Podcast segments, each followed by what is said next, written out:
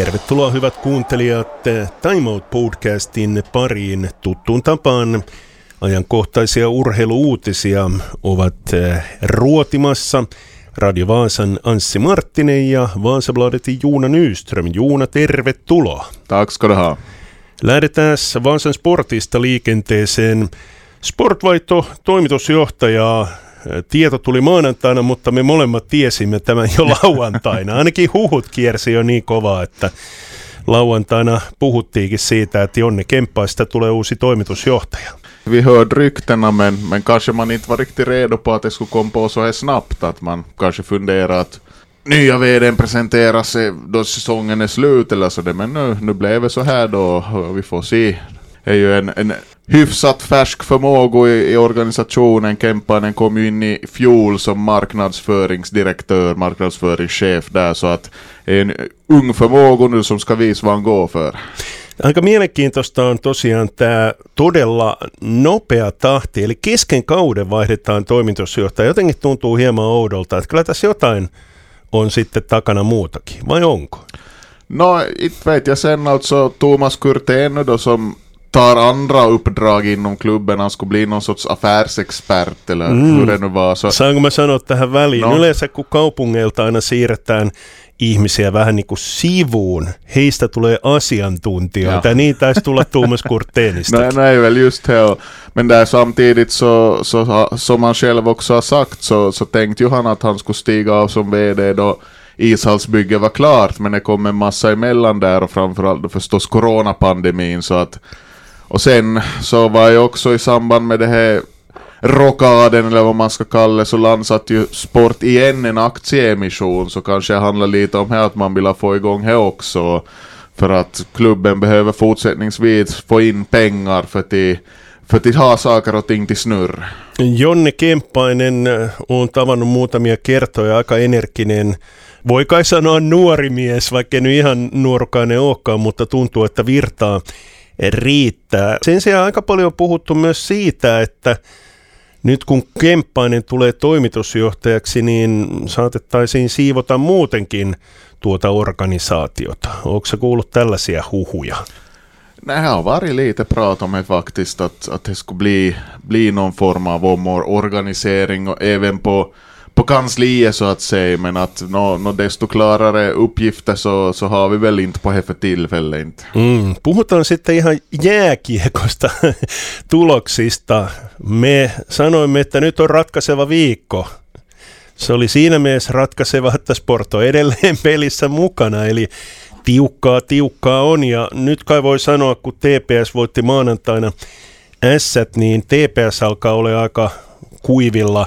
No, ei sanota vielä yhtään mitään, mutta ikään tuo viimeisen pudotuspelipaikan kohtalo on KK, Nässien ja Sportin välinen kamppailu. Precis, så ser det ut just nu och no, jag vet inte, TPS de har varit väldigt svajiga de också, så vi får se hur det blir, men att det var ju förra veckan så det blev ju en upphämtning där mot, mot KK, men sen ändå en förlust då Jag behöver prata lite med en kaveri efter det och så funderar han att ja, men nu är det väl nog kaos i ohi sist och slutligen då.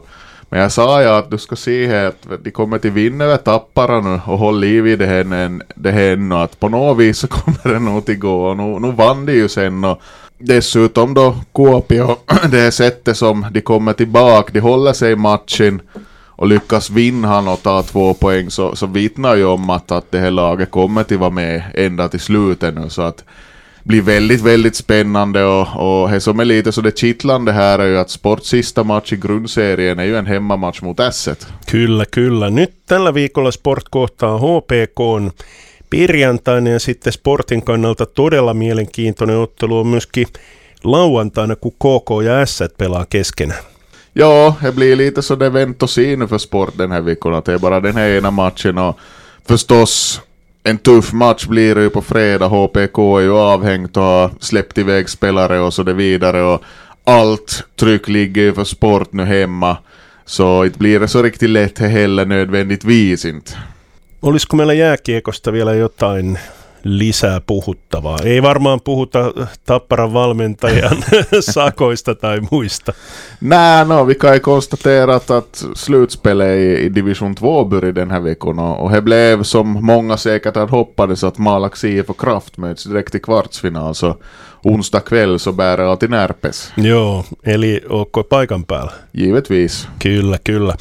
Hei, puhutaan sitten vaikka yleisurheilusta. Tuli ikäviä uutisia, eli Natalie Blomqvist ei osallistu Glasgown sisäratojen halli MM-kisoihin. Nej, förstås, som du säger, är jättesynd. Hon har haft en väldigt stark inomhussäsong, otroligt bra resultat, men nu är det tydligen någon nå sorts krämpa där. Hon sa väl no, här i något sammanhang att hon är på antibiotikakur och så denna och att är bäst att ta säkra för är osäkra och inte fara och res. Mm, Suomelta lähtee kuitenkin aika iso joukko, jopa niin iso, että jos mä muistan oikein, Samuli Samuelson oli ajatellut pitää pientä lomaa, kunnes tuli yhtäkkiä tietoa, että hei, ei sulla mitään lomaa, sun pitää lähteä Glasgowhin. Ja, no, men Skottland är ett trevligt ställe så inte är det väl så jobbigt för han heller. Ei, ei. Mutta onkohan näin, että meillä nyt se ainut mitallimahdollisuus lähinnä on sitten tuolla seiväshypyn puolella? No jag skulle ju säga också att månne inte är Vilva Murto som ska fixa det hennar och hon hade ju nå lite problem här i någon tävling nu som hon avbröt och hon hade någon känning i ena foten så att vi skulle hoppas att hon har blivit av med hela lagom tills se ska tävlas då i Glasgow. Joo, mutta jotenkin tuntuu, että ainakin nyt sisähallikisoissa Vilma Murtokin on nostanut tuota tasoa. Tosiaan taisi olla 480 tuolla kisassa, jonka hän pisti kesken ja ollaan kyllä sellaisissa lukemissa, että niin kuin ollaan puhuttu, että se 490 mahdollinen ja joskus sitten ehkä se 5 metriäkin. Ja, nog känns det som att hon har kapacitet för mer också. Att det, det handlar väl nog bara om att få en bra uppbyggnad nu på den här säsongen. Att, att förstås inomhus-VM är inomhus-VM, de där stora, stora tävlingarna kommer ju sen i sommar. Time Out Podcast käynnissä. Studiossa ovat Anssi Marttinen Radio Vaasasta ja Vaasabladetin Juuna Nyström. VPS kohtasi liikakapissa Hakan. Rankkarilla tuli tappio 0-1. No, niin kuin sä oot sanonut, että nämä liikakapin ottelut ei ole niin merkityksellisiä. Ne on vaan treenipelejä, sehän mua tietysti vähän harmittaa, koska se myöskin sitten pudottaa sitä arvostusta, mutta ehkä se huolestuttavin puoli on nyt siinä, että kun Jussi Nuorella sanoi, että vähintään pitäisi saada niin kuin kolme neljä pelaajaa lisää joukkueeseen, ja nyt kun katsoo tuosta tota päivämäärää, niin se on noin, no joo, reilu kuukausi, mutta koko ajan alkaa niin kuin hiki nousee ottalle enemmän ja enemmän. Ja, eh, no, jag var inte själv på matchen där, men jag hörde, hörde lite av folk, vad folk snackade, att det var en ganska intetsägande tillställning, att det fanns inte mycket att berätta om. Och, och nu har VPS lite paus den här veckan förstår jag. De, de har ju kört ligacupen, säkert tränat hårt. Och, men sen efter det nu då så ska ju nog börja dyka upp de här herrarna som ska, som ska vara de här sista pusselbitarna för att annars så börjar det nog se jätte, jättejobbigt ut. Och, och VPS har en del träningsmatcher nu inbokade. Om jag minns rätt nu så kommer de till spel mot FC Inter och mot Ilves. Och så sista träningsmatchen kommer det Eikö- bli mot Jaro. Joo, mä muistelen, että Jarokin vastaan on, on peli. Täytyy äkkiä mennä tonne Vepsun sija sivuille, mutta ei siellä kyllä lue mitään testipelaajista. Onko mitään omia kanavia pitkin kuullut, että olisiko tulospelaajia? Tai sanotaan näin, että olisi pakko pian tulla. Ja, nej, här har nog faktiskt varit, varit knäpptyst och hej, som du ser, hej, lite,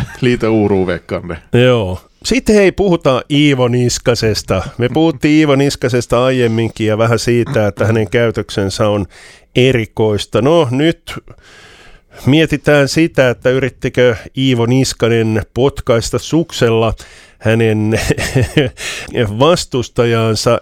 Niin, mä en nyt ota kantaa tohon, että potkasko vai ei, mutta mä otan kantaa siihen, että nyt kun kilpailija aika vahvasti hyökkäsi Iivoa vastaan, niin tuntuu siltä, että siellä on kyllä poreillut niin sanotusti siellä pinnan alla jo vähän pitempää. Eli hetkinen, sanon nyt mikä herran nimi oli. Kalle Parantainen. Kyllä, hänellä on hieno nimi, Parantainen, erikoinen nimi. Niin, niin kuin Kalle Parantainen sanoi, että hän ei ota mitään pois Iivolta, mahtava hiihtäjä, olympiavoittaja, mutta Iivon käytös on jo pitkään ollut täysin ala-arvosta nyt joku uskalsi sen sanoa. Mm. Olisiko tämä ollut sellaista, mitä moni on ollut mieltä, mutta ei ole uskaltanut sanoa, kun kyseessä on kuitenkin ollut Iivo Niskanen? No är ju inte en omöjlig tanke om vi tänker på hurdana vi finländare är sådana att vi, vi biter ju hellre ihop och knyter nävan i fickorna än det här konfrontera varandra. Så nu kan det ligga något i och nu har man ju sett liksom att, att, att Ivo Niskanen har, har en ganska sån där tvärattityd. Å andra sidan så behöver du kanske vara lite sån där för att nå så det långt upp till toppen. Den här säsongen och då i princip allt har gått emot Niskanen så kan man väl kanske förstå att han han liksom blir lite mänsklig igen på det här viset och reagerar på det här viset är ju förstås inte bra uppförande om man inte kan liksom hålla en ömsesidig respekt tävlande emellan men samtidigt alla som har sysslat med tävlingsidrott så vet väl nog säkert att ibland så, ibland så kanske är svartna bakom ögonen om man, man ryter till. Joo, mulle tuli täysin uutena tietona se, että viestissä ei tarvi antaa edes hitaamman niin kuin latua, vaan voi tehdä tätä, mitä parantainen vähän teki siinä kiusas Iivo. Ja, och då tycker man ju kanske att, att han som har vunnit OS-guldet och som har sitt mycket av världen och så det vidare ska kunna hålla kylan och, och, och, och vara taktiskt bättre då på ett annat sätt. Men som sagt, det har väl nog mycket att göra med den att allting har varit besvärligt den här säsongen och att den frustrationen har byggts upp där. Så egentligen, no, jag vet, jag kanske tycker att det har blåst upp lite för mycket det här och att om man tänker på hur många tävlingar det körs så säkert är det en del all, allt möjligt där som händer och folk som är liten i luven på varandra men nu eftersom det är Ivo Niskanen det handlar om och dessutom var på hans hemmaplan i Pujo så nu, nu blåses det här upp till en enorm grej. Mm, no, katsotaan miten Ivon loppukausi menee. Hei, koripalloa. Pelataan EM-karsintaa. Suomi voitti Tanskan. Toi koripallo on siinä mielessä mielenkiintoinen laji. Mä katoin sitä ekaa jaksoa ja katoin, että jaha, ei tästä tule yhtään mitään. Tanska taisi johtaa lähemmäs parikymmentä pistettä tauolla ja ajattelin, että no joo, ja käänsin kanavaa ja kattelin jotain ihan muuta. Sitten urheiluruudusta katsoin, että oho, Suomi voitti. Koris on mielenkiintoinen laji, siinä tapahtuu aika nopeasti käännöksiäkin. Jo, och är ju särskilt i slutet av de här matcherna då, men de kan plocka time-out så de kan sakna ner spelet och, och försöka på olika sätt vinna matchen åt sig, så är nog alltid i slutskedet det händer. Och sen var det väl så att, att den här själva EM-kvalmatchen inte var betydelselös för Finlands del, att, att det handlar mer om att de nu laddar upp för OS-kvalet då, som ska börja eller OS-kval, det ska ju vara OS i sommar. Vad var? No, mm. no, kval var Jag har inte riktigt koll på det. De spelar så mycket olika som denna. Kyllä, kyllä. Mutta hei, tohon mä haluaisin tähän karsintaan mennä. Mitä mieltä sä oot siitä, että pelataan, Suomi pelaa näitä karsintoja, vaikka se on varmasti mukana? Eli se voisi peluttaa ihan minkälaista joukkuetta tahansa. Eikö tämä ole väärin niin kuin muita lohkoja kohtaan. Ajatellaan nyt esimerkiksi Tanskaa, niin onhan Tanskalla niin kuin huomattava etu siinä, että sulla on vastasjoukkue, jolla ei ole niin kuin tavallaan mitään panoksia. Sieltä voi tulla ihan rupusakkikin vasta. Vähän oudolta tuntuu. Eihän futiksessakaan laiteta niin kuin isäntämaata pelaa vielä karsintoja. Nej, nej, inte ska vara på det viset. Jag tävling kval. Så jag tycker ju då, då skulle det måste vara på det viset då att Finland helt, helt enkelt får söka sina motståndare till själv. Men nu, nu har de ordnat på det viset istället då. Det blir ju förstås lite lättare för Finlands del bara allting. Mm. Vieläkö sulla on mielessä jotain asioita? No hei, Välimäki golfissa hienosti kakkonen otti semmoisen ihan mukavan siivun. Oliko se nyt 800 000 euroa vai mitä se oli se summa, minkä hän kakkosijasta sai? Oliko mitään muuta, mitä nyt on tapahtunut ja, radikaalia? Man borde ju börja spela golf. Jo. Joo, tuli silloin nuorempana pelattua kaikkea muuta kuin golfia, Joo, minigolfia, joo. Mutta nej, sillä nej. ei vissiin tehdä ihan niin isoja Ja, rahoja. ja, jag var fullständigt usel på det. Brukar, jag brukade he Mailun eller vad man ska kalla flyger vid boskan där. inte vila sig. Men jag har, du hade ju Bradbury förra veckan så jag har en grej nu. hienoa, hyvä, että muistit. Mä melkein unohdin jo. Jag, jag tänkte nu då, är ju, det är ju det Kalevankisat FM är friidrott på Karlsplan i sommar, så jag har ett bra minne från, från Karlsplan. Var du på plats på Europacupen 2001? Mm, mä luulen, että olin. Ja, så jag satt där i kurvan på andra sidan från Krutkällavägen och Aki Parviainen var med, Finlands herrar. Finlands herrar vann och steg upp till högsta nivå det här året. Och Parviainen kastade ett otroligt, otroligt långt kast. Jag satt där i kurvan och var orolig att jag skulle få spjuta på mig för det såg ut som att det aldrig skulle landa. Kommer du ihåg det här kastet hur Mä, mä itse asiassa nyt kun sanoit, niin mä muistan, mä oon ollut paikan päällä. Mä heitän, että se oli 92-72. Det tror jag det är väldigt nära. Nu ska vi se. 92,41. Ah, 30 cent. joo, mutta eikö ole aika hyvin Ja, muistettu? och här är fortsättningsvis näst längsta kastet som en finländare har kastat. Mm. Med det här ny, nya spjutet. Vet du vem som har rekordet? Mm, siis Suomen ennätys. Nyt pitäisi tietää, nyt pitäisi tietää. Se on... Ei kai se rädyllä voi olla. Eaki Parviainen. 9309. No kastati niinpä onkin. Kuortanen. No niin, totta kai. Näinhän se on, näinhän se on. Hei, tota, siitä puheen ollen, kun otit ton keihäsjutun esille, niin nythän oli joku saksalainen täysin tuntematon kaveri heittänyt yli 90 metri. Ja, jag, jag såg den och jag tänkte att jag skulle måste lägga det namnet på minne men En mäkään, mu- en mäkään muista nimeä, mutta oli ottanut jotain mitaleja nuorten kisoissa, mutta tosiaan yli 90 Ja, oli heittänyt. Tyskland nya Finland och kommer till spjutkastning. No. Bara dyker upp nya hela tiden. Joo. Olisiko tässä nyt kaikki? Ja, no, kanske vi börjar vara nöjd sådär. Kyllä. Tässä oli tämänkertainen Time Out Podcast. Studiossa ovat olleet Anssi Marttinen ja Juuna Nyström. Kiitos Juuna. Tack, tack.